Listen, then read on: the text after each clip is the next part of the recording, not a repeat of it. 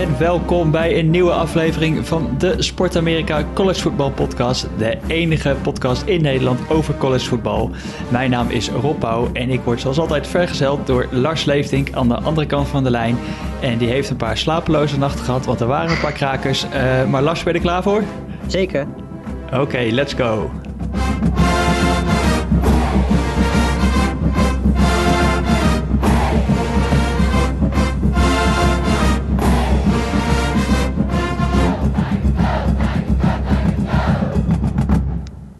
Jessel, wat een weekend van college voetbal was het.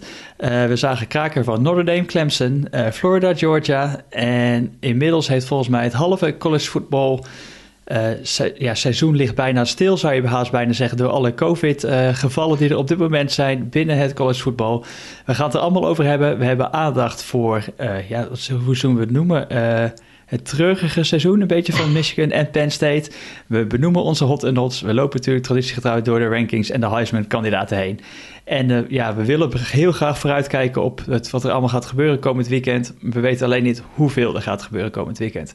Uh, dus we gaan gewoon beginnen met afgelopen weekend. En ik stel voor dat we in de ACC beginnen met de grootste wedstrijd die op programma stond. Clemson, de nummer 1 gerankt tegen nummer 4 gerankt Notre Dame. Ja. En het waren de Fighting Irish. Ja, ehm, nou ja, we hadden natuurlijk van tevoren al gezegd dat als er een keer een moment was dat Notre Dame kon winnen van Clemson, dat het uh, afgelopen weekend was. Vanwege het ontbreken niet alleen van uh, Trevor Lawrence, maar er waren ook verdedigend gezien een paar spelers die Clemson misten. Ehm, ja, in principe maakte daar eigenlijk meteen gebruik van. We hadden ook van tevoren gezegd dat, dat de kans dat Notre Dame echt fouten ging maken niet heel erg groot was. Nou, ze hebben eigenlijk, van zover ik weet, hebben ze volgens mij één fumble gehad. Uh, daar heeft Clemson ook meteen van geprofiteerd. Maar verder hebben ze eigenlijk geen fout gemaakt. Um, ondanks dat bleek Clemson toch aan het einde uh, er best wel goed voor te staan. Um, als ik me dat goed kan herinneren, stonden ze uh, een touchdown voor met drie minuten te gaan of zo. Um, op zich speelde uh. Ik hoop dat ik het in dit keer wat beter uitspreek. Speelde op zich weer een prima wedstrijd. Lag wederom niet aan hem. De Clemson defense was wederom, net zoals afgelopen weekend tegen Boston College, was zeker niet, uh, niet goed genoeg. En uh, ja, weet tegen Boston College kun je daar dan nog mee wegkomen. Maar tegen zo'n goede ploeg als Notre Dame wordt dat een stuk lastiger. Um, Boston College, of uh, sorry, Notre Dame, die had ook meer total yards. 519 om 473. dus dat zegt op zich ook wel iets. En wat mij ook opviel was dat Clemson maar 34 eh, rushing yards had. Wat, uh, ja, Travis Etienne had een hele stille wedstrijd voor zijn doen. Uh, 28 rushing yards, 57 receiving yards. Um, maar ondanks dat allemaal stonden ze wel gewoon voor met drie minuten te gaan. 39-33 was het inderdaad. Uh, 33-26 stonden ze voor, sorry. En ja, vervolgens die laatste drive van, van Ian Book was gewoon heel goed, waardoor ze uiteindelijk overtime wisten af te dwingen. Um, in de eerste overtime scoren ze allebei. Uh, dus er was een double overtime voor nodig. En uiteindelijk uh, was het uit, de uitblinker bij Notre Dame, Kyle Williams, die uh, 23 carries had, 140 yards, drie touchdowns. Die scoorde ook de touchdown in het double overtime. En ja, Clemson had daar vervolgens geen antwoord op. En daardoor verloor, Notre Dame, of verloor Clemson uiteindelijk met 47-40. Ja, ik schakelde in, volgens mij tijdens de eerste overtime. Toen volgens mij Notre Dame zeg maar, de score gelijk trok naar, uh, naar 40-40. Ja. Uh, 47-40 scoorde ze toen. En toen was het inderdaad die defense van Notre Dame kwam echt... Uh, ja, die, was, die waren echt supergoed in die double overtime. Ja. Uh, twee keer dat ze bij DJ Uwe Yangelele uh, kwamen... en dat, ze hem echt, ja, dat hij gewoon geen kant op kon. En dan was het gewoon over voor Georgia. En je denkt toch altijd bij Georgia zou het toch nog gebeuren? Zouden ze toch nog ontsnappen? Maar ja, deze keer was er toch uiteindelijk geen, geen ontsnappen meer aan. Uh, wat jij al zei, het lag eigenlijk niet echt aan, uh, aan DJ vervangen van Trevor. Volgens mij had hij het meeste yards ooit tegen, van een speler tegen Notre Dame. 439 ja. passing yards had hij. twee touchdowns, dus eigenlijk echt een hele goede wedstrijd gespeeld. En ik denk wat dat betreft dat Clemson wel echt wel gebeiteld zit voor de komende jaren als, als Trevor Zeker, zo meteen ja. weg is. Daar is enkel echt geen twijfel meer over mogelijk na die twee wedstrijden die hij nu gespeeld heeft. Maar ja, die defense inderdaad was net even... Ik denk dat een paar mensen misten, een paar slordigheidjes... en dan uh, ja, een grote overwinning voor, uh, voor de Fighting Irish. Ja, en dat gooit natuurlijk de play-offs ook alleen nog maar meer open. Want normaal gesproken gaan deze twee teams elkaar over een paar weken... Uh, mochten we zover komen, elkaar in de AC Championship game tegenkomen. Dan moet ja, de verliezer van die wedstrijd gaat de playoffs waarschijnlijk sowieso niet halen. Ze hebben nu Notre Dame natuurlijk nog wel ongeslagen. Ehm, dus het zou op zich best kunnen dat als Clemson zou winnen, dat ze allebei met één nederlaag erin komen. zeker als je ziet uh, hoe bijvoorbeeld de rest van de Big Ten, de rest van de Big 12 het doet. Uh, en het feit dat er ook bij de Pac-12 niet per se zekerheid is. Plus, je ziet nu al in de Pac-12 dat er ook wedstrijden wegvallen. Nou, die hebben gewoon veel minder wedstrijden gespeeld dan een Clemson of een Notre Dame. Dus uh, ja, weet je, als, als Clemson straks in die AC Championship game weer zou verliezen van Notre Dame, dan kunnen ze die playoffs wel vergeten. Het is ook zo'n beetje de enige horde die ze nog hebben wat dat betreft. De rest van het programma is absoluut niet moeilijk. Um, en ja, voor Notre Dame is het. Die hebben zichzelf nu echt een hele goede positie gezet. Want uh, ja, ze staan nu ongeslagen op de tweede plek. Uh, mochten ze verliezen, dan is dat van, van Clemson, die dan normaal gesproken ook de playoffs gaan halen. Dus de kansen voor Notre Dame om de playoffs te halen zijn met deze zegen wel echt enorm gegroeid. Ja, die staan er opeens eh, goed voor. Die hebben ook eens voordeel dat ze niet tegen Miami hoeven. Die natuurlijk ook maar één verliespartij hebben op dit moment. En dat was tegen, tegen Clemson. Ja. Uh, en wat betreft Clemson, ja, ik denk inderdaad als die gewoon, zeg maar gewoon, zoals we het bijna noemen, wel winnen van, Clem, van uh, Notre Dame in die title game. Ja, dan is het toch wel heel lastig om Clemson ook heen te gaan natuurlijk. Ja, en zeker als ze dat betreft op dat moment weer gewoon boven Notre Dame staan, zeg maar. Ze hebben natuurlijk verloren nu van een Notre Dame team. Terwijl ja. ze op blessures hadden, terwijl hun star quarterback er niet bij was. Ja. Maar precies, weet je, er zitten daar, daar, daarachter zitten teams als Texas A&M en Florida, weet je, die zitten eigenlijk te hopen en te wachten totdat uh, Clemson een tweede nederlaag gaat leiden. Want als Notre Dame met één nederlaag ook blijft, weet je, ja, uh, de nederlaag van Texas A&M tegen Alabama is bijvoorbeeld ook geen slechte. Um, maar ik denk wel dat ze dan toch geneigd zijn om Notre Dame voor Texas A&M te zetten. Um, dus eh, ja, weet je, wat dat betreft, als Clemson verliest, dan is die spanning om die vierde plek nog wel interessant. Uh, maar ik denk dat misschien de spanning nu iets minder groot geworden is. Um, omdat ik denk dat Alabama en Ohio State zijn bijna uh, automatisch op dit moment. Weet je, ik kan me niet voorstellen dat die het niet zouden halen ongeslagen. En ja, Notre Dame heeft zichzelf gewoon nu in een hele goede positie gezet. En inderdaad ervan uitgaat dat Clemson die wedstrijd op Not van Notre Dame zou winnen. Ja, dan heb je denk ik de vier playoff teams wel. Tenzij er inderdaad buiten die wedstrijden om hele gekke dingen gaan gebeuren. Nou ja, en je, ik moet natuurlijk heel even achter, afwachten wat er bij Notre Dame gaat gebeuren. Want we maakten het een beetje als schijntje, ja. uh, volgens mij al op Twitter. Maar na die overwinning, natuurlijk ja. iedereen uitzinnig van vreugde. Zo ook het publiek wat er wel was. En hetgeen ja. publiek wat er was, ja, die uh, bestormde gewoon uh, ouderwets het veld. En dan zie je echt die ene hele grote hoop mensen, terwijl het al zo voorzichtig wordt gedaan overal, zeg maar, met... proberen iedereen te social distancen en die afstand houden, zodat dat seizoen door kan gaan. En dan zie je in één keer nou ja, ja. zaten gewoon een paar duizend man zeg maar, op elkaar daar. En dan denk je toch, jongens, jongens, laten we even afwachten wat er over twee weken aan de hand is. Uh, ja, nou, voorlopig valt het nog mee volgens mij. Nou ja, maar, maar ja, voorlopig zie je wel dat, uh, dat Halloween wel heeft uh, toegeslagen ja, in, in, college football. Dus uh, um, even kijken, andere ACC-wedstrijden. Nou, Miami die wist de nauwe nood te winnen van, van North Carolina State, van NC State. Ja. Ehm, ja, verder denk ik ja, Liberty, Virginia Tech. Dat was een vrij bizarre ja, wedstrijd. Liberty einde. was natuurlijk... Ja, dat was bizar. Dat was, Liberty was uh, voor het eerst ranked. Uh, volgens mij in hun historie. En uh, dit was meteen een wedstrijd natuurlijk waarin ze konden laten zien tegen echt niet zo'n heel erg slecht Virginia Tech team om te laten zien dat ze wat konden. bij Virginia Tech was overigens Hendon Hooker, hun quarterback, was weer fantastisch. Speelt sowieso gewoon een heel goed seizoen.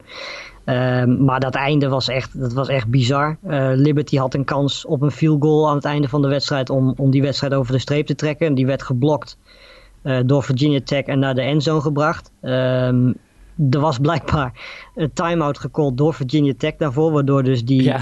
blocked field goal niet telde. Uh, daardoor mocht die field goal dus opnieuw gedaan worden en die ging er vervolgens in, waardoor Liberty uiteindelijk 38-35 won en nu 32e of 22e gerankt is. Uh, ja, dat was uh, vrij bizar allemaal. Dus is een typisch uh, college voetbal einde waarvan ja, we er af, een paar uur geleden, ook nog, is het twee of drie uur geleden of zo, nog, nog eentje zagen. Maar daar komen we zo meteen nog even op.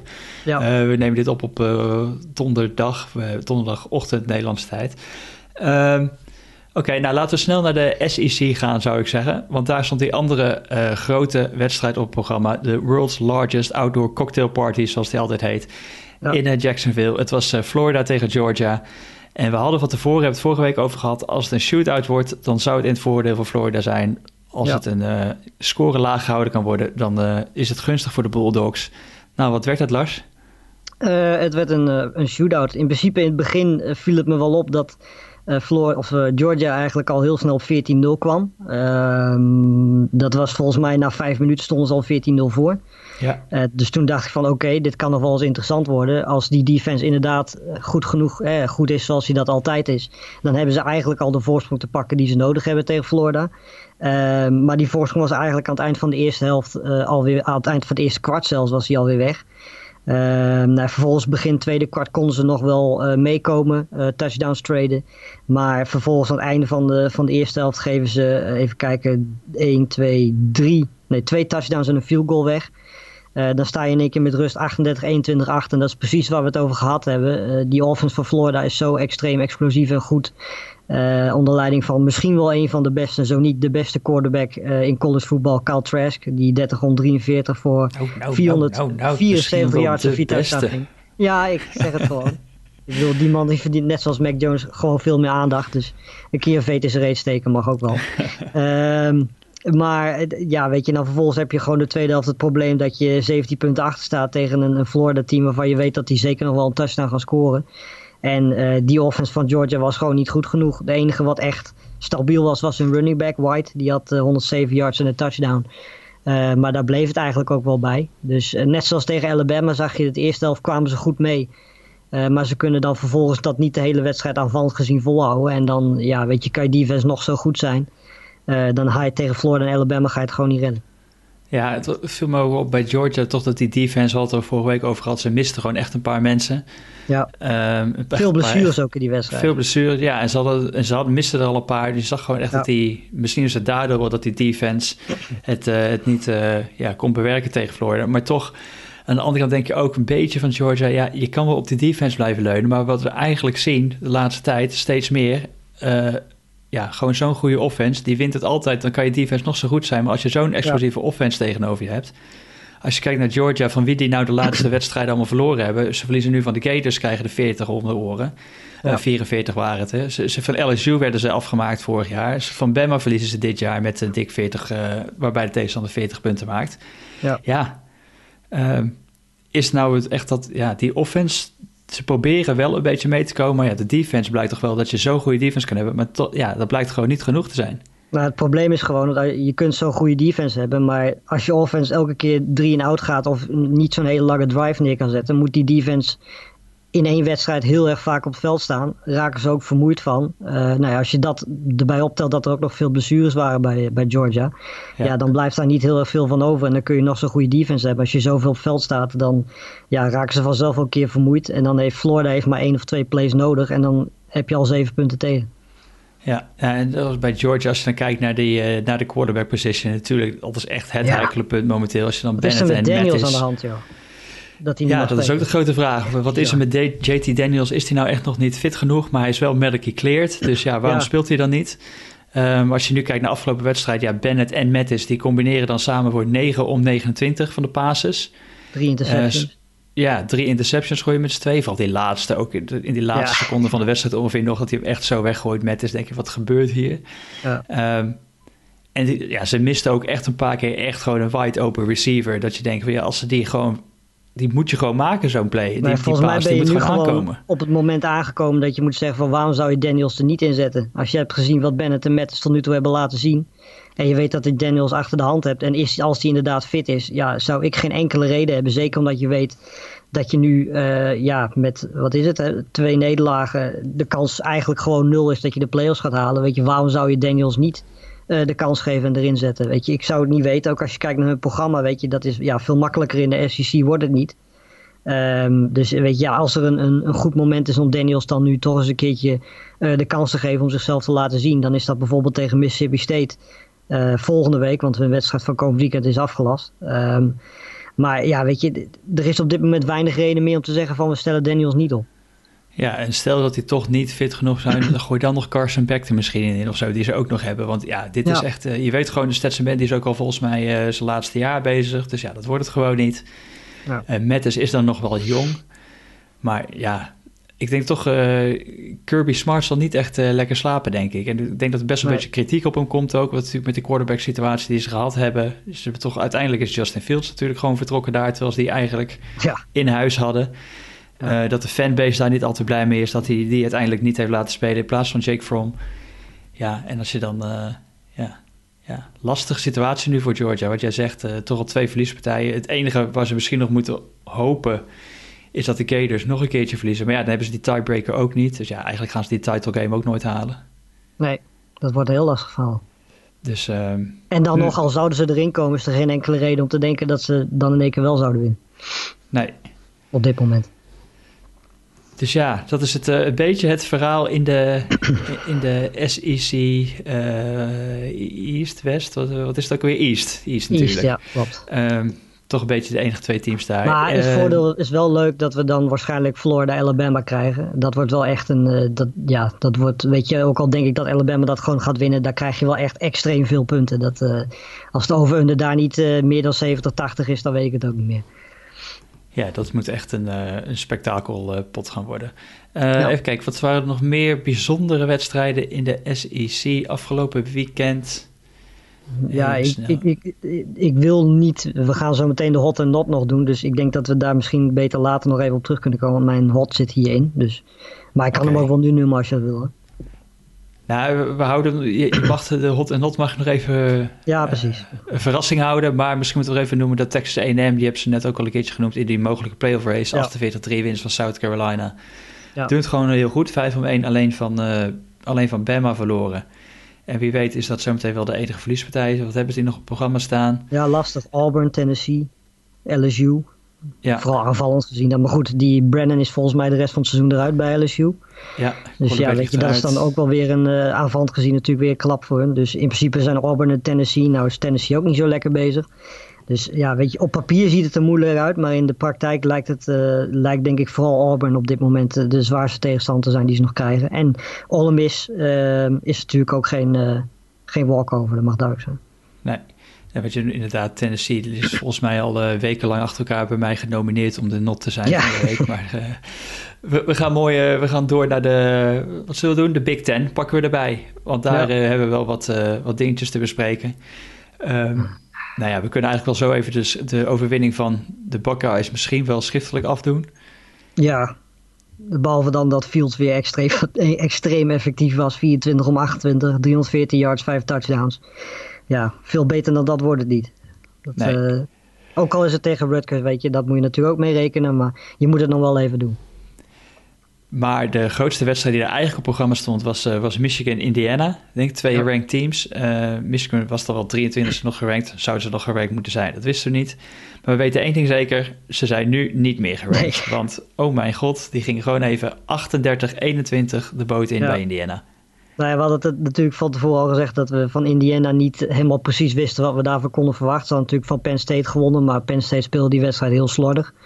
Uh, maar ik denk dat Indiana deze wedstrijd wel even heeft laten zien dat ze zeker niet uh, per ongeluk nu in de top 10 staan van de A-People. Um, ja, weet je, die eerste helft van hun was heel erg goed. Uh, 24-7 stonden ze na de eerste helft voor. Uh, Michigan was echt aanvallend gezien echt verschrikkelijk om naar te kijken, die eerste helft. Um, en verdedigend gezien, ik weet niet hoeveel ja, penalty yards, ja, 89 penalty yards hadden ze in totaal. Uh, ze sprongen zo'n beetje elke keer offside. Uh, verdedigend gezien, het was echt bizar. Um, ja, weet je, in de tweede helft wordt dan die offense een beetje wakker. Um, maar dan is het eigenlijk al te laat, sta je eigenlijk al te ver achter. Um, en ja, weet je, het, het is op dit moment uh, niet heel erg uh, fantastisch om naar te kijken. En ik heb ook niet per se op dit moment echt het idee dat het veel beter gaat worden. Want ze moeten, ze hebben, moeten tegen Wisconsin, zie ik. Uh, ja, dit weekend. weekend. Ja. ja, nou daar ga je ook niet heel vrolijk van worden. Je moet nog tegen Penn State en Maryland. En je moet nog tegen Ohio State. Ja, weet je, de enige zegen die er eigenlijk tussen zit is Rutgers van die vijf. Maar ja, weet je, het zou zomaar kunnen dat ze van de vijf wedstrijden die ze nog moeten spelen, drie of vier gaan verliezen. En dan uh, heb je toch wel over een heel erg pijnlijk seizoen. Ja, dat heb ook wel gezegd. Kijk, normaal, je kan natuurlijk gewoon van, dat je van Ohio State verliest jaarlijks. Het is uh, een aardig verhaal, het is niet leuk. Ja. Maar goed, het kan gebeuren. Tegen dit Ohio State zijn er maar weinig teams die wel van Ohio State kunnen winnen. Ja. En, en die zege Minnesota was ook gewoon heel goed. Ja, en dan lopen ze wel tegen Zepet aan tegen Michigan State. Denk van nou, misschien kan het dan één keer gebeuren. Maar als je die afgelopen weekend zag, dat is ja. tegen Iowa 49-7 verloren, dan zit je toch wel een beetje ja, met je haar in je hoofd na te denken van hoe kan Michigan daar in godsnaam zo van verloren hebben. Ja, en dan nu ook weer ten onder tegen Indiana. En dan kan we, dus het even handig om een vraag in te gooien die binnenkwam. Eh, Daniel, uh, Sportgeneuzel op Twitter, die eh, stuurde het al naar ons. wie gaat Horbo opvolgen en waarom is die deze week nog niet uitgegooid? Nou ja, die tweede vraag is, is denk ik iets wat we volgens mij elk jaar wel stellen. Want volgens mij wordt dat bijna jaarlijks gevraagd. Um, ja, weet je, ik denk dat als, als je kijkt naar het programma en alles wat er nog komt en hoe het op dit moment gaat, uh, denk ik dat de kans dat hij dat dit seizoen eruit gegooid wordt toch wel wat groter is. Uh, ondanks dat we natuurlijk allemaal weten dat er waarschijnlijk een flinke geldsom bij gaat komen. En dat is waarschijnlijk ook een van de redenen dat hij dat nog niet ontslagen is. Um, ja, en wat betreft een opvolger, ik kan niet zo 1, 2, 3 even iemand opnoemen. Um, ik zit even na te denken wie zou er bij Michigan kunnen passen die uh, dit seizoen goed doet. Ja, zijn contract, volgens mij loopt zijn contract ook einde van volgend jaar af. Ja. Van Jim Harbaugh. Volgens mij loopt hij, even kijken. Even kijken. Volgens mij loopt hij einde van het seizoen 2021 af. Ja.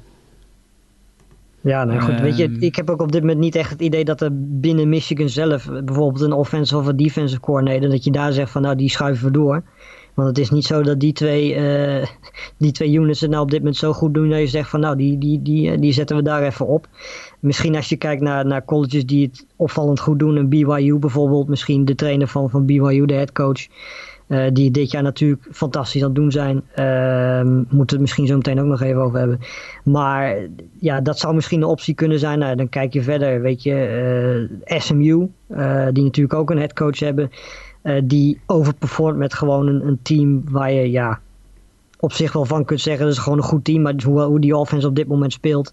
Ik denk dat de focus vooral op offense moet liggen als je kijkt naar een nieuwe trainer van Michigan. Want het talent bij Michigan aanvallend gezien is wel degelijk daar. Alleen er wordt gewoon helemaal niks uitgehaald op dit moment. Um, dus weet je, ik denk dat die defense echt wel wat talent heeft. En ook echt wel al dit seizoen heeft laten zien dat ze wel wat kunnen. Maar datzelfde is met Georgia. Weet je, als je offense je zo vaak op het veld zet. Uh, dan ja, zie je ook gewoon dat, dat zo'n Michigan defense niet per se uh, de hele wedstrijd lang goed kan presteren. En ik denk wat dat betreft dat de focus als je een, of een, als je een, een trainer erbij wil gaan halen, uh, dat je dan moet gaan kijken naar uh, iemand die aanvallend gezien dit team wel kan gaan laten werken. Want zowel de headcoach als de offensive coordinator op dit moment zorgen daar niet bepaald voor. Ja, want Kettes die was natuurlijk vorig jaar gekomen. Hè? Dat was het idee dat hij de, die, die offense zeg maar een beetje ging ja. moderniseren en ging laten draaien. Maar dat uh, is gewoon. Ja, dat zie ik dus, dus op dit moment niet gebeuren. Dat hij dat dan zou overnemen. Ja, het kan. Maar ja, ik denk dat er betere kandidaten zijn. Maar nogmaals, wie dat, wie dat dan per se zouden moeten zijn, ja, ik kan niet zo een naam noemen. Maar ik denk dat ze dan wel zouden kijken naar, naar universiteiten die aanvallend veel scoren. En die uh, beter presteren dan dat van tevoren verwacht was. Ik denk dat je daar nog vooral naar moet kijken. Omdat dat toch headcoaches zijn die graag een stap willen maken. Nou, Michigan is en blijft natuurlijk een van de grootste universiteiten. Uh, als het aankomt op collegevoetbal. Dus uh, ja. ja. weet je, dat, dat is natuurlijk automatisch al een pitch waar je heel makkelijk mee aan kunt komen. Ja, nou ja, volgens mij zelf als uh, Horbo zei hij, ja, we zitten tot, zijn toch echt dichtbij. Dus zelf was hij niet super negatief, maar ja. Dichtbij wat? ja, om, om, toch echt de volgende stap te kunnen zetten en misschien toch dicht bij eh, Ohio State te komen. Maar we zien het even niet, eh, kan ik vertellen. Nee. uh, zullen we uitgaan, even overgaan naar de andere grote tegenvaller van de Big Ten? Ja. Penn State zijn 0 om 3 na drie wedstrijden. Ja. Een, een team wat zich, denk ik, voorafgaand aan het seizoen dacht van... nou, misschien zijn wij wel die playoff kandidaat. Wij kunnen die Big Ten winnen. En in ieder geval Ohio State heel erg moeilijk maken zoals ze eigenlijk altijd doen. Maar de, dit keer eh, kunnen wij die stap gaan zetten. En dan staan er drie wedstrijden, je 0 om 3. Ja, en het, het, is natuurlijk wel zo, als je kijkt naar het programma wat ze gehad hebben, is niet heel erg makkelijk geweest. Eh, Indiana uh, verliezen ze eigenlijk omdat ze gewoon heel slordig spelen. Nou, Ohio State 38-25 verliezen. Uh, dat had veel erger gekund en had ik eigenlijk ook veel erger verwacht. Uh, en Maryland, weet je, die begon natuurlijk het eerste weekend heel slecht. We hebben natuurlijk uh, vorige week gehad over hoe uh, Tango Vailoa, Tango Vailoa reageerde op zijn matige debuut. en afgelopen weekend was hij gewoon weer heel erg goed. Tegen Penn State 18 om 26, 282 yards, drie touchdowns. Ja. die heeft zijn ritme gevonden, dus dat is mooi en leuk om te zien.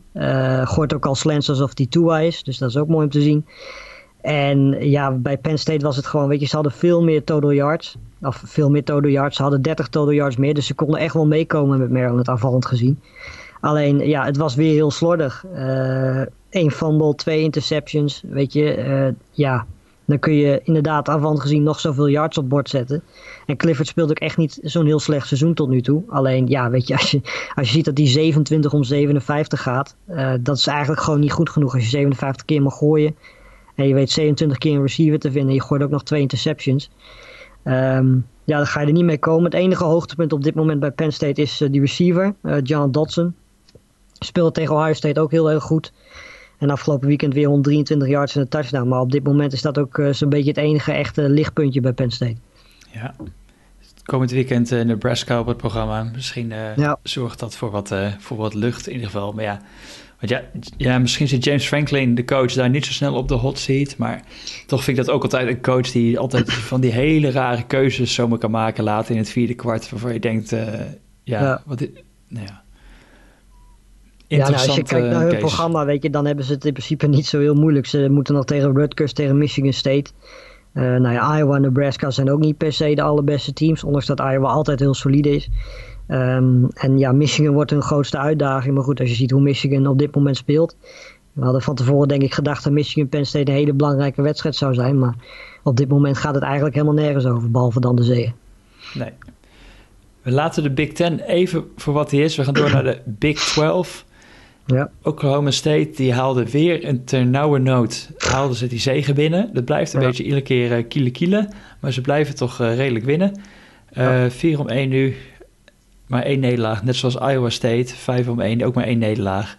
En daarachter de, de Sooners, die zijn los. En Texas wist, ook weer, wist ook weer te winnen, dan toch weer van West Virginia te winnen, waarvan mensen dachten, nou, dat wordt misschien wel een overwinning voor West Virginia. wat, is, wat is je main takeaway van de Big 12 dit weekend?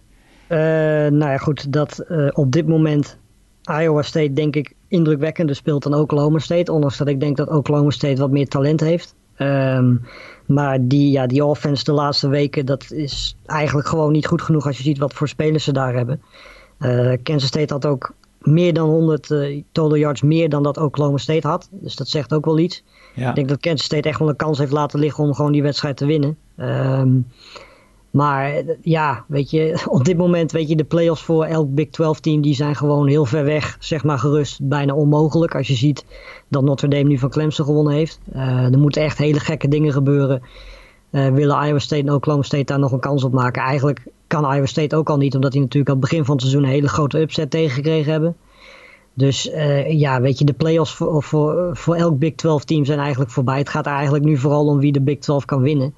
En op dit moment zou ik mijn geld toch wel op Oklahoma willen zetten. Als je ziet hoe, hoe dat team op dit moment aan, aan het spelen is. En hoe die op dit moment uh, ja, in vorm zijn. Tuurlijk, weet je, het is tegen Kansas. Nou ja, goed, weet je, we weten allemaal hoe serieus we Kansas moeten nemen in voetbal. Niet zo heel erg.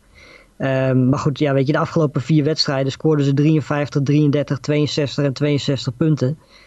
Um, ze hebben nu een bye week en dan daarna spelen ze tegen Oklahoma State, West Virginia en Baylor. Dus dat zijn wel drie teams waarvan je eh, echt kan gaan zien, hebben ze die stappen echt gemaakt ten opzichte van het begin van het jaar toen ze van Kansas State en Iowa State verloren.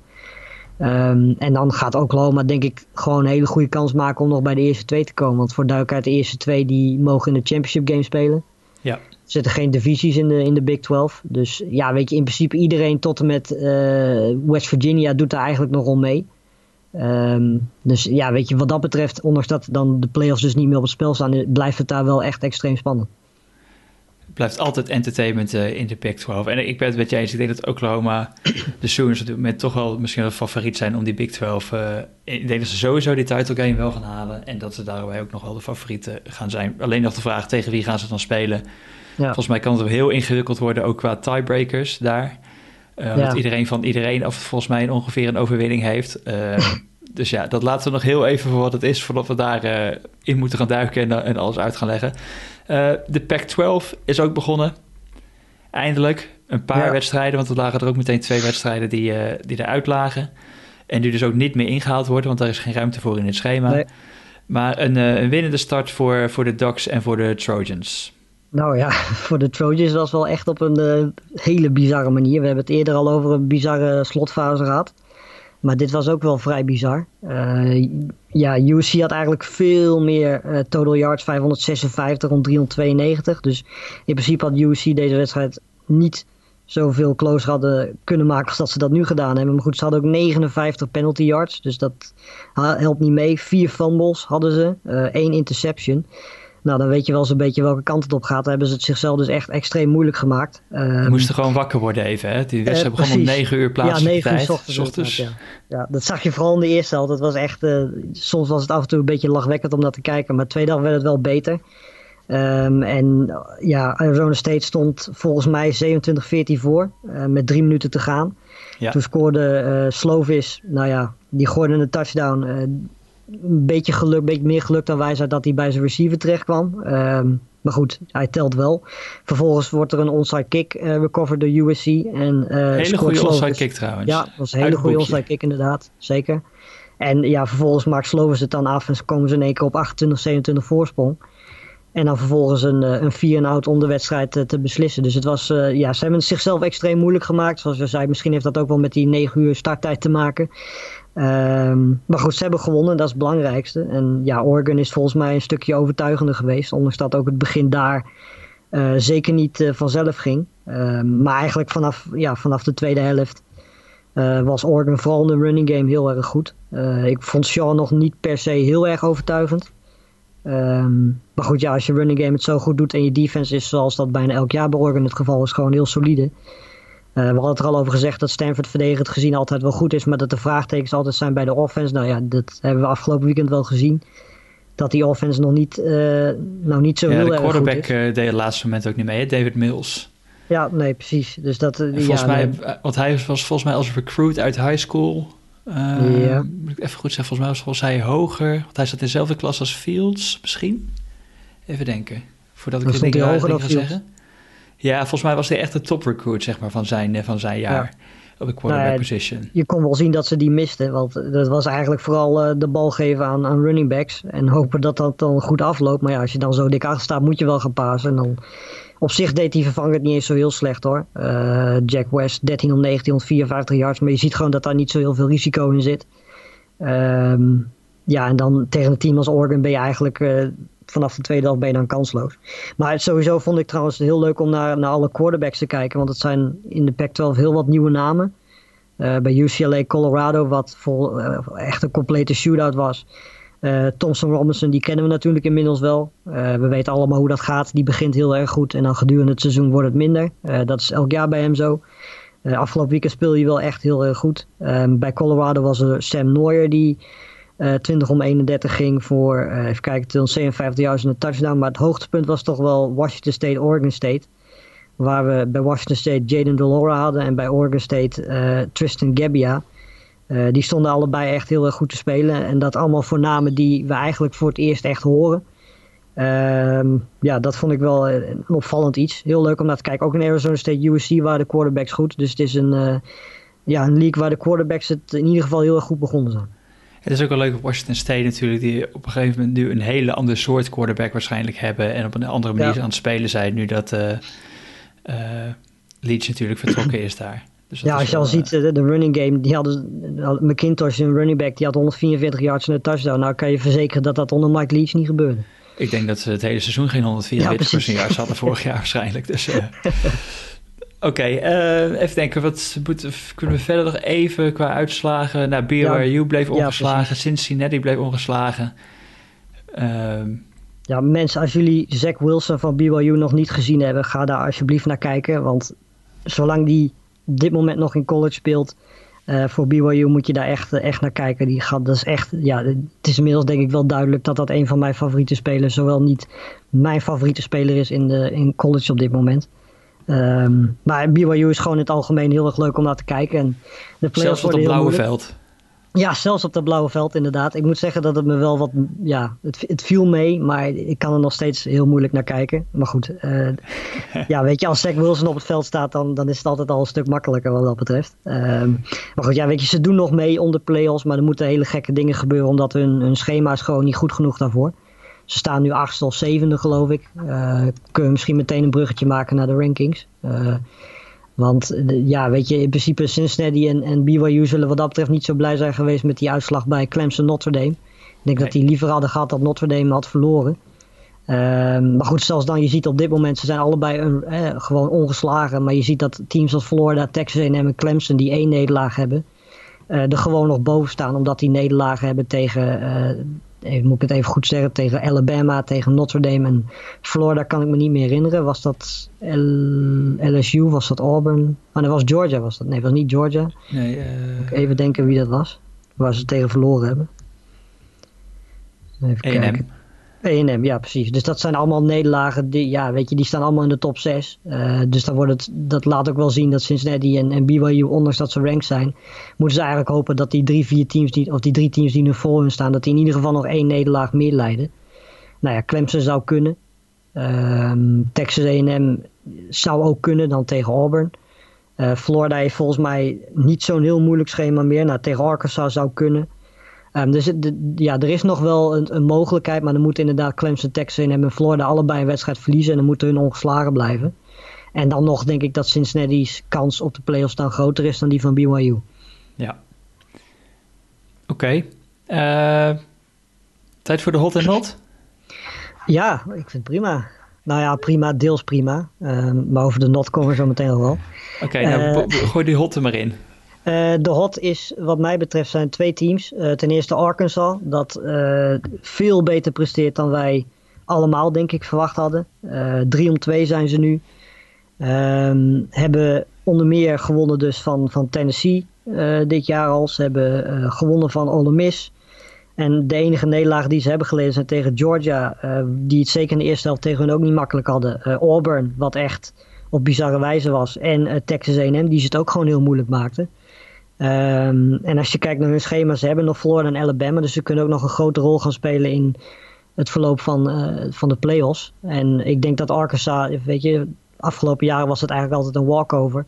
Maar ja, dit jaar is het echt gewoon een, een, meer dan prima ploeg om naar te kijken. En het wordt interessant. Felipe Frank speelt komend weekend tegen Florida, tegen zijn oude uh, college. Ja. Uh, dus dat wordt, dat wordt wel heel interessant. En mijn tweede hot is uh, een team dat nu, ja, het zat er vorige week al een beetje tegenaan. Maar dit weekend zijn ze eindelijk, eindelijk ranked. En dat is eh, misschien op zich ook wel bizar genoeg al. Dat is Northwestern. Nou, ik, ik had hem op mijn lijst staan voor de hot. nou, ga je gang, zou ik zeggen. Nou ja, dat is een team dat denk ik uh, de afgelopen paar jaar nog geen, niet aan de, die drie overwinningen is gekomen die ze nu al hebben staan. Ja. En dan is dat echt gewoon, uh, net, ja, net zoals Arkansas, wat jij al zei, is eigenlijk gewoon een hele mooie turnaround. Um, voor bij Arkansas is het ook wel misschien wel het Sam Pittman effect. Ja. Uh, die natuurlijk binnen is gekomen in dat, in dat programma omkeert. Ja, de Noordwesten zag ik dat niet meteen aankomen dat die ook... Nou ja, uh, en als je ziet de manier waarop, weet je, en de, de, tegenstanders die ze gehad hebben, weet je, dat zijn niet de makkelijkste. Maryland hebben ze even met 43-3 verslagen. Nou, als je ziet hoe die op dit moment aan het spelen zijn, is dat gewoon een hele knappe zegen. En Iowa en Nebraska zijn geen walkovers, dat zijn gewoon hele solide ploegen. En als je daar zo van kunt winnen, uh, weliswaar heel close, maar goed, je verslaat ze wel. Ik denk dat het dan wel terecht is dat je in de top 25 staat en dan Natuurlijk komt er nog een zwaar programma aan met Wisconsin, met Minnesota. Met, uh, dat zijn wel twee wedstrijden waar ze zich echt kunnen laten zien. Maar verder, ja, weet je, Purdue. Ja, dat is op dit moment ook niet echt uh, om naar huis te schrijven. Michigan State. Uh, misschien kunnen we meteen een bruggetje maken naar mijn not. Want een van de twee nots is Michigan State op dit moment. die quarterback is om te huilen. Verdedigend gezien is het niet om aan te zien. Um, ja, en dan heb je ook nog Illinois in die conference zitten. wat op dit moment ook niet heel veel is. Um, dus ja, weet je, Nebraska zou, of Nebraska, Northwestern zou, als het allemaal goed gaat, zouden ze met twee nederlagen kunnen eindigen. En dan zouden ze dus 6 om 2 kunnen zijn. En dat zou eigenlijk ja, vrij bizar zijn als je ziet uh, waar ze vandaan komen. En mijn andere not, en dat is ook waarschijnlijk de enige keer dat ik het over ze ga hebben, is Duke. Um, want ik word er niet heel erg vrolijk van momenteel. Uh, het begon op zich nog wel aardig. Bryce... Uh, de nieuwe quarterback die ze hebben. Um, Chase Bryce, die begon, ja precies, die begon nog wel redelijk aardig aan het seizoen. Maar op Van dit Clemson moment, uh, overkomen vorig jaar de backup van uh, Trevor Lawrence. Ja, precies. Die speelde tegen Notre Dame op zich nog wel aardig aan het begin van het seizoen. Maar uh, ja, sindsdien is het echt, echt een verschrikking om naar te kijken. De enige positieve bij Duke op dit moment is de running game. En daar heb je dan ook wel alles mee gezegd. Dit team heeft op één goede defensive back na nul talent. En afgelopen weekend 56-24 verloren van, van North Carolina. En ja, dit wordt een vrij treurig seizoen. Ik probeer altijd wel wat van Duke mee te krijgen. Maar ik moet zeggen dat dat dit jaar echt een hele grote uitdaging is. Ja, je zei al verschrikkelijk om naar te kijken, maar je bent ook de enige die heeft geprobeerd te kijken, denk ik, Lars. dat denk ik ook inderdaad. Um, dus, maar ik zou ook, als je, als je van plan was het te doen, doe het niet. Doe het jezelf vooral niet aan, um, want het is echt een verschrikking. Oké, nemen we dat uh, advies uh, ten harte. Ik vroeg nog heel even toe, want we hadden wel de gezamenlijke no de hot in Noordwestern. Maar ik dacht, mocht je, ik dacht, die gaat hij niet noemen, maar dat deed dus wel. Dus ik had nog even een backup. Uh, De'Aaron King, die was in de ja. wedstrijd van ja. Miami tegen NC State. We, we noemen het al even dat Miami had gewonnen, 44-41. Ja. Moest, kwamen terug van achterstand, maar die, ja, die deed echt alles. Zeg maar, uh, nam het team op zijn rug. En uh, 430 passing yards, 5 touchdowns, 105 rushing yards. Ja. Uh, tweede keer in zijn carrière dat hij dat presteert. Meer dan 400 passing yards en dan ook nog meer dan 100 rushing yards. Dus die was echt, als hij dit volhoudt, dan, ja, dan gaan mensen toch weer kijken van jeetje, je moet toch nog niet de Eric King. Hij is misschien wat klein, maar toch, hoe interessant is die zometeen eventueel voor een NFL draft? Ja, het was jammer um, dat hij dat dan tegen Clemson niet kon laten zien. Uh, ja. Weet je, want eigenlijk in alle andere wedstrijden heeft hij fantastisch gepresteerd en eigenlijk die offense gedragen. Maar tegen Clemson was hij er eigenlijk niet of nauwelijks. Uh, dus dat is wel jammer. En, en, ja, weet je, als je het programma kijkt van Miami, dan heb je ook niet heel veel wedstrijden meer op North Carolina na. Waarvan je zegt van nou poeh, dat wordt echt een uitdaging. De playoffs gaan ze normaal gesproken ook niet halen. Ondanks dat ze natuurlijk die één nederlaag is tegen Clemson. Uh, maar er staan op dit moment zoveel teams voor hun dat ik die kans niet zo heel groot acht. Dus ja, weet je, alle wedstrijden die Derken kan aangrijpen om zichzelf in de, in, in, de kijker te spelen, dat lijkt mij heel verstandig. Ja, ik weet nou zeker. alleen even niet of hij junior of senior is. En volgens mij heeft hij nog een jaar hierna. Ja, precies. Als ik hem was, zou ik dan nog een jaar blijven. Als je ziet wat voor quarterbacks er dit jaar de draft in gaan, ja, dan gaat King ondersneeuwen. Ja. En dat zou heel erg zonde zijn als je kijkt hoe hij nu speelt. Ja. Uh, mijn not, ik, ik, ik had op het lijstje staan de, de Notre Dame Field Invasion, maar daar hebben we het al over gehad. We hebben het heel even over Stanford gehad, maar ik heb ja, de kicker, Jet Toner, die uh, 0 om 4 van zijn field goal attempts, was ook ja. een kandidaat. Maar ik ga eigenlijk voor het, uh, het jammere nieuws eigenlijk dat de Penn State uh, running back Journey Brown, die moet zijn ja. carrière stoppen. eigenlijk door een, wat is het volgens mij, hoe noem je dat? Een verdikte hartspier, om het maar even zo te vertalen. Ik weet niet of het de goede term is. maar die kon dit seizoen eigenlijk al niet, niet spelen. Dat werd bij een random COVID-test werd het ge, ja, ontdekt. En nu, uh, ja, daardoor die blessure kan die, uh, ja, moet hij stoppen met, uh, met voetbal. En dat is voor hem heel zonde. Vorig jaar 890 yards, 12 touchdowns was hij de leading running back ook bij Penn State. En ja, zo ja. iemand hadden ze dit jaar echt nog wel goed kunnen gebruiken. Maar helaas zijn college voetbal en zijn voetbalcarrière zit erop. Dus, ja, goede speler en ook een hele mooie voornaam. Dus meerdere ja. redenen om te balen dat hij niet meer op veld uh, te zien Zoals hij zelf al volgens mij twitterde, it's all about the journey. Dus die, uh, hij ja. staat er gelukkig nog uh, positief in. Ja. Um, we gehad. Heisman, heel kort. nou, volgens mij, als ik jou zo hoor, dan is Cal Trash de kandidaat van jou. nou, wat mij betreft wel, ja. Samen met, met Mac Jones en met Justin Fields op dit moment. Ik denk dat Lawrence een beetje weggevallen is. Niet per se omdat hij zelf zo slecht speelt. Maar ten eerste omdat hij ja, niet spectaculair speelt. En ten tweede omdat hij nu gewoon twee wedstrijden gemist heeft. Waaronder een hele belangrijke tegen Notre Dame. Ja, en als je ziet hoe op dit moment Fields elk weekend aan het spelen is. Als je ziet hoe Mac Jones elk weekend aan het spelen is. En als je ziet wat er van tevoren over gaat dat Cal Trask zich nu tegen een hele goede defense kon gaan laten zien. En dat heeft hij volgens mij meer dan verdienstelijk gedaan. Um, dus ik denk dat die drie op dit moment wel de grootste Heisman-kandidaten zijn. Ja, weet je, ik zou heel graag Zach Wilson erbij willen zetten, want die verdient het statistisch gezien ook wel. Um, alleen ja, die heeft gewoon niet de tegenstanders gehad om dat ook daadwerkelijk te kunnen claimen. Nee. Um, dus op dit moment denk ik dat, dat Trask Fields en uh, Mac Jones, dat het tussen die drie gaat. En ik denk dat het zo close is, want ze spelen alle drie heel goed, hebben alle drie goede tegenstanders gehad. Misschien uh, Justin Fields iets minder, maar die speelt zo effectief dat hij daar gewoon tussen hoort. Um, ik denk dat wat dat betreft het zo close is dat de playoffs misschien wel eens beslissend zouden kunnen zijn. En ja, weet je, als dan een Cal Trask dat niet zou halen. Nou, ze stemmen al uh, voor de playoffs natuurlijk, toch? Ja, dat is inderdaad waar. Dat, is, dat klopt. Nou, goed, Volgens dan, mij na, ja. na de championship games, geloof ik. Als ik het goed heb.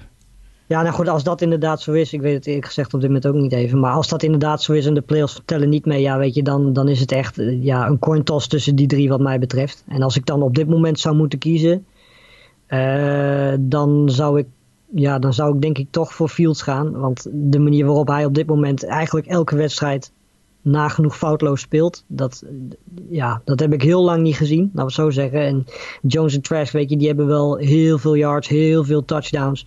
Maar zijn zeker niet zo, zo, ja, zo effectief en zo precies als dat Fields zich tot nu toe heeft laten zien. Um, alleen het nadeel van Fields is dus dat hij niet de tegenstanders gehad heeft die uh, Mac Jones en, en uh, Kyle Trask gehad hebben. Ja, en laten we meteen even een bruggetje maken naar week 11. Want Ohio State gaat ook niet spelen komend weekend. Dus ik vraag me bij Fields misschien ook nog af hoeveel wedstrijden heeft hij straks aan het einde van het seizoen. Er is geen ruimte in de, back, in de Big Ten om uh, wedstrijden in te halen. Dus de wedstrijd van Ohio State tegen Maryland is gecanceld. Dat is al een hele mooie wedstrijd geweest ja, bij Maryland te weinig mensen beschikbaar zijn, of te weinig spelers overblijven. Uh, en zo hebben we er een hele reeks in, eh, in week 11 eigenlijk. Uh, Alabama, LSU, natuurlijk echt de grote wedstrijd eigenlijk uh, altijd in de SEC daar, die ook niet doorgaat. Die, die is postponed. Maar ik zie eigenlijk, volgens mij is het maar de vraag of die überhaupt ingehaald kan worden. Want LSU heeft de inhaalweek eigenlijk al ingevuld voor de wedstrijd tegen Florida. Ja. Ehm, Texas A&M at Tennessee kan niet doorgaan. Georgia at Missouri kan niet doorgaan. Auburn at Mississippi State kan niet doorgaan. Ik denk dat de C in de SEC inmiddels voor COVID staat. Ja, precies. en Memphis Navy kan ook niet doorgaan. Nou, zo kunnen we het lijstje volgens mij nog wel even even doortrekken. Uh, en dan ook nog eens erbij optellen dat BYU niet speelt komend weekend. Ja, dan wordt het, uh, het wordt niet echt een, een, weekend. Weet je, we proberen altijd heel positief te zijn en reclame te maken voor, voor collegevoetbal. Maar dat is dit weekend toch wel echt extreem lastig, moet ik zeggen. Nee, de, de, de wedstrijden waar we misschien wel naar uit kunnen kijken. Uh, Miami at Virginia Tech. Volgens mij is Virginia Tech zelfs de favorite daar. Ja, dat zie ik ook inderdaad. Dat is heel raar. Miami als negende gerankt, maar die ja. uh, zijn gewoon de underdog in deze wedstrijd. Ja, ben ik toch wel benieuwd waar ze dat dan op baseren, gezegd. Als je ziet ook hoe moeilijk ze tegen Liberty hadden. Uh, ja, en als je ziet hoe Miami op dit moment speelt dat, dat, zou mij, dat zou mij, ja, weet je, ik, kijk altijd uit met, uh, met tips voor bets uh, doen. Maar dit, dit zou er toch wel eentje voor mij zijn, denk ik. Ik, ik durf ze ook niet meer te geven dat ik uh, uit mijn parlay van de. ik had een multi met vijf wedstrijden. Ik ja, had er eentje goed van de vijf afgelopen ja. weekend. Ik ga steeds zachter praten, zodat hopelijk niemand het hoort. maar goed. wat is er nog wel? Even kijken. Penn State, Nebraska is misschien dan toch nog wel leuk. Ja. Even kijken, ik had er nog wel na Notre Dame met Boston College. ben wel benieuwd. Niet dat het dan heel spannend gaat worden, maar je toch altijd interessant te zien als je na zo'n overwinning terugkomt. Ja, dit zijn hele gevaarlijke wedstrijden inderdaad. Hele gevaarlijke wedstrijden. Uh, Even kijken. Arkansas, Florida. Vind ik misschien wel de leukste wedstrijd. Ik ben heel benieuwd of Arkansas Florida lastig kan maken. Ik kan me het haast niet voorstellen, want ik denk dat die offense van Florida zo extreem goed is dat ook Arkansas dat niet bij kan houden. Maar uh, bij Florida, ik denk tenminste dat hij niet gaat spelen. Uh, Pitts, die had, uh, volgens mij heeft hij concussion. Ik weet niet zeker of hij gaat spelen. Maar... Zo, dat was een aardige hit ook trouwens. Ja, dat was een, ja, dat was een idiote hit was dat. Um, maar als, als hij niet gaat spelen, ja, weet je, Florida heeft tegen Georgia zonder hem ook laten zien dat ze kunnen scoren. Um, en ja, weet je ik, ik kan me bijna niet voorstellen dat, dat Arkansas Florida kan bijhouden. Um, maar goed, ja, weet je, ik hoop dan maar op een, een bizarre wedstrijd van Felipe Franks, die dus tegen zijn oude universiteit speelt. Uh, misschien zorgt dat voor wat extra motivatie en speelt hij een wereldpartij. En kan Arkansas wel meekomen. Want het is hetzelfde als bij, bij Notre Dame Boston College. Weet je, het is ook vlak na zo'n zegen. Uh, als die Florida heeft geboekt. Weet je, dat zijn altijd hele gevaarlijke wedstrijden. En ja, weet je, zowel Arkansas als Boston College zijn niet teams waar je zomaar eventjes gemakkelijk van wint. Nee. Uh, verder toch nog misschien Wisconsin at Michigan. Ik blijf het toch fascinerend vinden om te kijken wat daar gebeurt. Ja. Uh, en Oregon at Washington State is misschien best wel leuk in de, in de Pac-12 nog. Ja, zeker. als Washington State kijken hoe ze die, uh, of ze die lijn door kunnen trekken. Zijn we allebei s'nachts? Dat hebben we trouwens nee, een, een Pac-12-wedstrijd om 9 uur? Nee, we hebben, we hebben geen Pac-wedstrijd om op Pac-12-wedstrijd nee, nee, 9 uur. USC mag ietsje later nu. Wat doen we ja. even denken? Wat is het, half elf? Zeg ik dat goed? Mm, ja, half nee, tien Nederlandse half tijd. Tien, s'avonds. Tijd. Dus dat zal twaalf uur half één daar zijn, denk ik. Ik moest even omproberen te rekenen. Dat, ja. Uh... dus ja, maar dat, ja, dat kan wel een leuke wedstrijd worden. Maar ja, we weten op dit moment niet zoveel van Arizona. Dus, um, en zoals ik zei, als USC niet zo slordig is als afgelopen weekend, moet dit gewoon ook een uh, zegen opleveren. En ondertussen klik ik even snel op de website van de Vrienden van Fox om te kijken. Ik ben heel benieuwd wat ze uitgekozen hebben moet ik zeggen. Ik, uh, ik zit toch op zaterdag, jongens? Ik zie niks staan. Hoe kan dat nou? Dat lijkt me heel, ja. Op zich. Uh, oh nee, ik keek verkeerd. Ik keek verkeerd. Ah. Virginia Tech Miami om 6 uur. Uh, Boston College Notre Dame. Nou, en Michigan, Wisconsin. Nou, eigenlijk word je gewoon op je wenken bediend. Ja, precies. Ik zou zeggen, dat is ideaal. Hoeft helemaal nergens heen zaterdagavond. Nee, nog steeds niet. Oké. Okay. um, wat was hem denk ik deze week? Lange uitzending. Ja. Ja, dat, ja, ik ben benieuwd wie het al tot het einde volgehouden heeft. In ieder geval. we halen er ook al een beetje in, want volgende week, volgende week gaat het wat korter zijn waarschijnlijk. Dus uh, gezien het aantal wedstrijden dat er is. Um, dus, maar goed, ja, er was gewoon veel te bespreken. Dus ja, dan, uh, er gebeurt moet, altijd een hoop. En uh, oh, we hebben het nog niet eens over het hoogtepunt gehad, hè? Wat al geweest is van week 11. Nee, inderdaad. Je hebt hem net al getweet. Voor de mensen die het nog niet gezien hebben, kijk even de Twitter van Ed Lars Leeftink.